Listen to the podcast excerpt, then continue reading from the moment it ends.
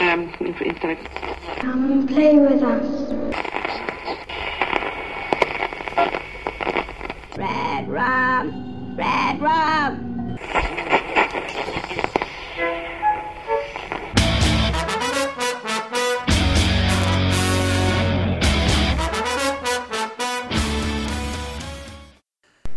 Witam wszystkich w 27 odcinku podcastu Radio SK i już piątej odsłonie z cyklu Wiadomości z Martwej Strefy.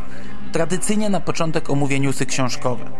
Zaczynamy od najważniejszej informacji minionego miesiąca. Poznaliśmy cenę i okładkę książki Dallas 63. Powieść kosztować będzie 49 zł, a okładkę tradycyjnie zrobił Vincent Chong. No i wzbudza ona w większości negatywne emocje. Ja jestem zadowolony z tej grafiki, ale zgadzam się, że jest to dość przeciętna praca Chonga. Ja go rozumiem, bo my mamy z nim dobry kontakt i grafik dostał w pewnym momencie tak mało czasu od wydawcy, że miał z tego nawet zrezygnować. Rozumiem jednak też odbiorców, dla których takie kwestie nie są istotne, a liczy się tylko efekt końcowy, za który płacą w końcu niemałe pieniądze. Nie rozumiem natomiast tych, którzy mają stałą, wyświechtaną odpowiedź nie oceniajmy książki po okładce. To nie te czasy. Nie oceniamy treści, ale produkt, którym jest książka jak najbardziej. Ja jednak podkreślę jeszcze raz, że jestem zadowolony z tej pracy. Co ciekawe, Vincent Chong wykonał dwie wersje tej grafiki i obie udostępnił w serwisie stephenking.pl. Odróżnia je kolorystyka, która na ostatecznej okładce jest czerwona, a na odrzuconej niebieska. Zwykle jestem tym, który narzeka na monotonię barw Chonga i jego upodobanie do czerwonych kolorów, ale tym razem uważam, że Pruszyński wybrał lepszą grafikę. Co więcej, widać teraz, że Chong też podlega jakimś wytycznym pracodawcy i jeśli wykona taką, a nie inną okładkę, to wcale nie oznacza, że jest to w 100% jego wybór. Na oficjalnej stronie Stephena Kinga można obejrzeć filmik, w którym pisarz opowiada opowieści Dallas 63. Dowiadujemy się, że autor zaczął ją pisać w 1973 roku. Zatytułował ją wtedy Split Track, jednak zaprzestał po zaledwie 14 stronach. Pisarz opowiada również o wydarzeniach z Dallas i o podróżach w czasie.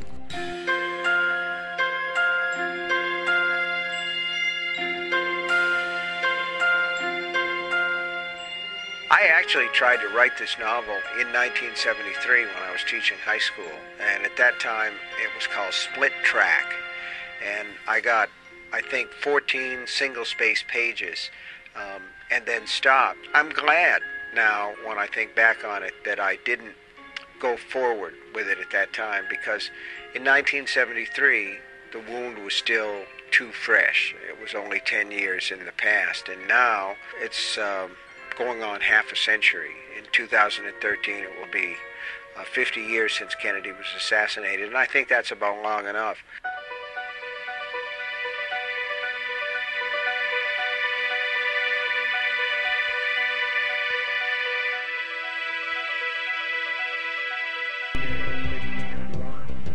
Dwunastego listopada King będzie promował Dallas 63 w Nowym Orleanie. Pisarz m.in. przeczyta fragment książki. Aby wziąć udział w spotkaniu należy zakupić egzemplarz powieści w Octavia Books. Pierwsze 250 książek będzie wcześniej podpisanych przez autora. 14 listopada King pojawi się w Sarasocie. Tam jednak prawdopodobnie będzie tylko podpisywał nową książkę. I to w zasadzie na razie wszystko, jeżeli chodzi o promocję książki Dallas 63. Przechodzimy dalej i pozostajemy na naszym podwórku. Znamy już cenę antologii Jest Legendą, której poświęcony był cały poprzedni odcinek podcastu. Książka kosztować będzie 34 zł i 90 groszy. Wydawca opublikował też na łamach tego bloga i serwisu stephenking.pl pełną okładkę, która moim zdaniem prezentuje się niesamowicie. Premiera książki będzie miała miejsce 19 października. Ja tymczasem jeszcze raz bardzo zachęcam. Aktualnie powoli delektuję się resztą opowiadań i prędzej czy później w tej czy innej formie gdzieś to zrecenzuję. W tym miesiącu pojawiła się konkretna informacja ze strony Albatrosa na temat wznowień jednych z najbardziej pożądanych powieści Stephena Kinga, to i Bastionu. Książki mają ukazać się w twardej oprawie. Wydawca już udostępnił do wglądu grafiki okładkowe. Osobiście jakoś nie pieję z zachwytu, ale cieszy mnie sam fakt wypuszczenia tych tytułów wreszcie w takiej oprawie, na jakie zasługują. A i ciekawie będzie się ta seria prezentować na półce, bo książki mają jedne z lepszych grzbietów. Niestety w ostatniej chwili pojawiła się mniej ciekawa informacja na temat innego wznowienia. The man in black fled across the desert and the gunslinger followed. Albatros ogłosił, że zapowiadane piękne, ekskluzywne wznowienie cyklu Mroczna Wieża nie pojawi się tak jak zapowiadano w twardej, a w miękkiej oprawie. Na facebookowej ścianie wydawnictwa tłumaczą to następująco. Koszt oprawy twardej czyniłby serię niedostępną dla większości potencjalnych nabywców, co innego pojedyncze tytuły Kinga. Nie wiadomo jak będzie to wyglądać w przypadku książki Wiatr przez dziurkę od klucza, która pierwotnie ukaże się w drugim pakiecie, a dopiero później zostanie wypuszczona na rynek samodzielnie. Oczywiście w pakiecie siłą rzeczy znajdzie się edycja w miękkiej oprawie, ale kto wie czy potem Albatros nie zdecyduje się na dwie wersje książki. W końcu to tytuł premierowy, a i większość tych, którzy marudzili, że będą zmuszeni czekać na premierę pojedynczej książki, byliby zadowoleni, mając na co czekać. I ja doskonale rozumiem tutaj rozgoryczenie fanów, którzy kolejny raz czekali na to, co im obiecano i kolejny raz dostaną półprodukt. Sam jestem rozgoryczony, ale pamiętajmy też, że obecnie sytuację na rynku książkowym kontrolują nie wydawcy, a jeden sklep na literę E na spotkaniach z wydawcami oni otwarcie mówią o tym, że są okradani i nie mogą z tym nic zrobić. Jeśli wytoczą proces, to sklep odetnie ich i już niczego nie sprzedadzą. A tak mogą po cichu liczyć, że kiedyś coś im skapnie i jakąś należność dostaną. Małe wydawnictwa tego nie przetrzymują, duże jakoś sobie radzą i muszą ciąć koszta. I tutaj mamy takie cięcie. Z punktu widzenia wydawcy to jest nawet na ich korzyść, bo w przedświątecznej gorączce nikt nie patrzy na jakość pakietu, a na jego cenę. A że 50 fanów będzie wkurzonych, trudno. A skoro już wspomniałem o nowej powieści z uniwersum Mrocznej Wieży, wypada zaznaczyć, że światowa premiera książki Wiatr przez dziurkę od klucza została przyspieszona o miesiąc i będzie miała miejsce 12 marca 2012 roku. Polska data premiery nie jest jeszcze znana. Zagraniczny wydawca opublikował w tym miesiącu wstępny projekt okładki, który tradycyjnie podlinkuję we wpisie z podcastem. No i jest to słaba okładka. Sama graficzka niczego sobie, ale jakoś kompletnie nie kojarzy mi się z wieżą. Zresztą nie tylko mnie. Większość opinii, które czytałem, mówiły o pierwszych skojarzeniach z Wernem i tego typu literaturą. Mam nadzieję, że ostateczny projekt będzie czymś zupełnie innym i w tej chwili można już stawiać prawie na 100%, że jest to tylko tymczasowy wypełniacz. Miesiąc wrzesień przyniósł też ciekawą informację o kolejnej książce Kinga, o której kiedyś było już głośno, ale jakoś nie sądziłem, że plany doczekają się swojej realizacji. 23 września Stephen King odebrał Mason Award, nagrodę za wyjątkowy wkład w upowszechnianie literatury. Tego wieczora Steven zaskoczył wszystkich czytając przez 10 minut jeden z rozdziałów zapowiadanej jakiś czas temu powieści, nad którą obecnie pracuje, Dr. Sleep, której bohaterem jest dorosły Denny Torrance z Lśnienia. Dzień później na oficjalnej stronie Stephena Kinga pojawiło się oświadczenie potwierdzające, że pisarz pracuje obecnie nad tą książką. Wszystkie serwisy od początku ochrzciły to określeniem sequel lśnienia i choć nawet oficjalny serwis Kinga podaje news o takiej treści, to ja jednak wolałbym, byśmy podchodzili z głową do tych wszystkich zapowiedzi i nie traktowali tego jako lśnienie 2. To będzie samodzielna książka opowiadająca dalsze losy dawno niewidzianego bohatera.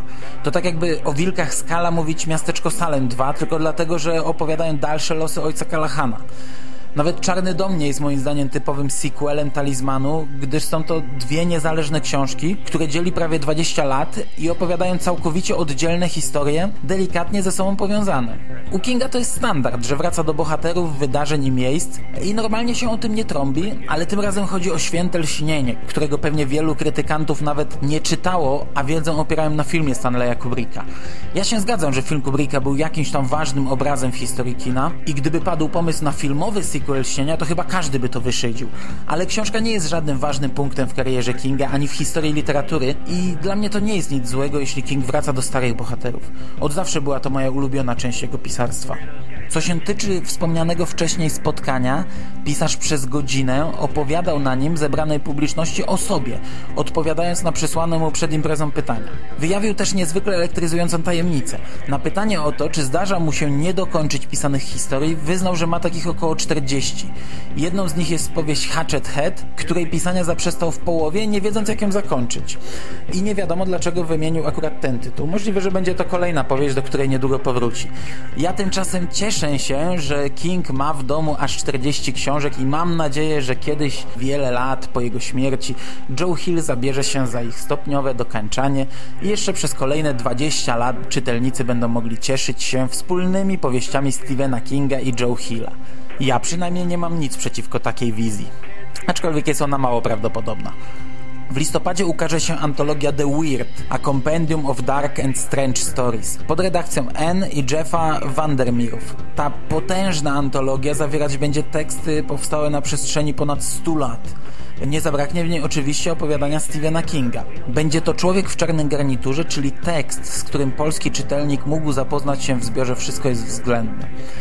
I ostatni news z pola książek. 25 października ukaże się w Stanach książka Dear Me. Zawiera ona 75 listów napisanych przez znane osoby świata literatury, filmu, muzyki czy sportu. Każda z tych osób miała za zadanie napisanie listu do siebie samego w wieku 16 lat. Jednym z autorów jest oczywiście Stephen King. Ok, to przechodzimy do powieści graficznych i na tym polu mamy w tym miesiącu niewiele newsów.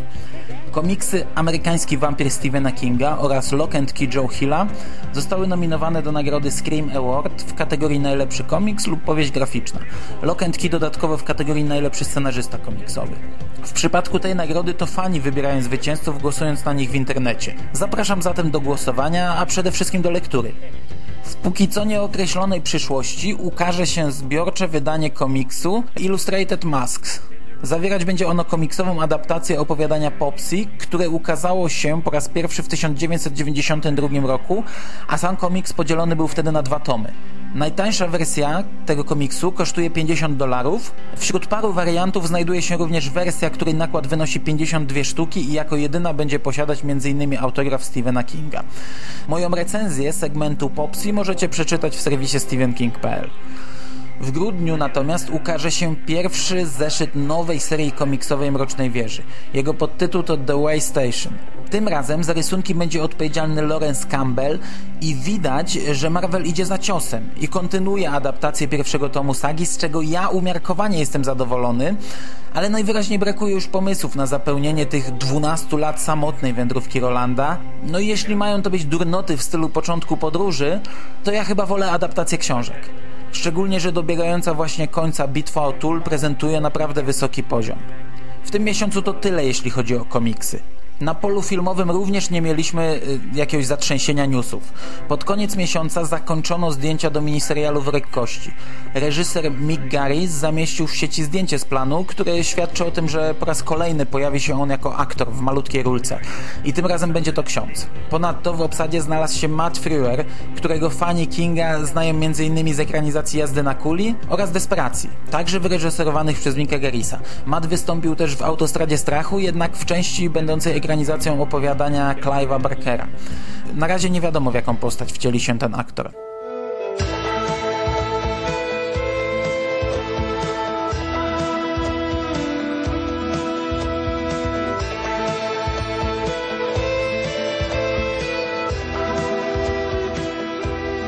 USA zakończył się drugi sezon serialu Haven.